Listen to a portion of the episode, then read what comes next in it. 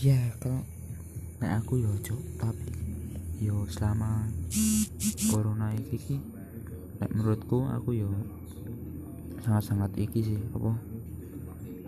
Kayak terganggu sih kayak nih semisal sekolah yang siji wae. Aku ora entuk sangu.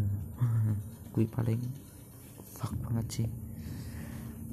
Mesti yo walaupun di rumah aja tapi yo tetap ada kebutuhan lho paling ora duit rokok paling ya kuwi sih tapi yo bakalane gak tau juga sih iki bakal dampak sampai kapan tuh terus biasanya kan aku kan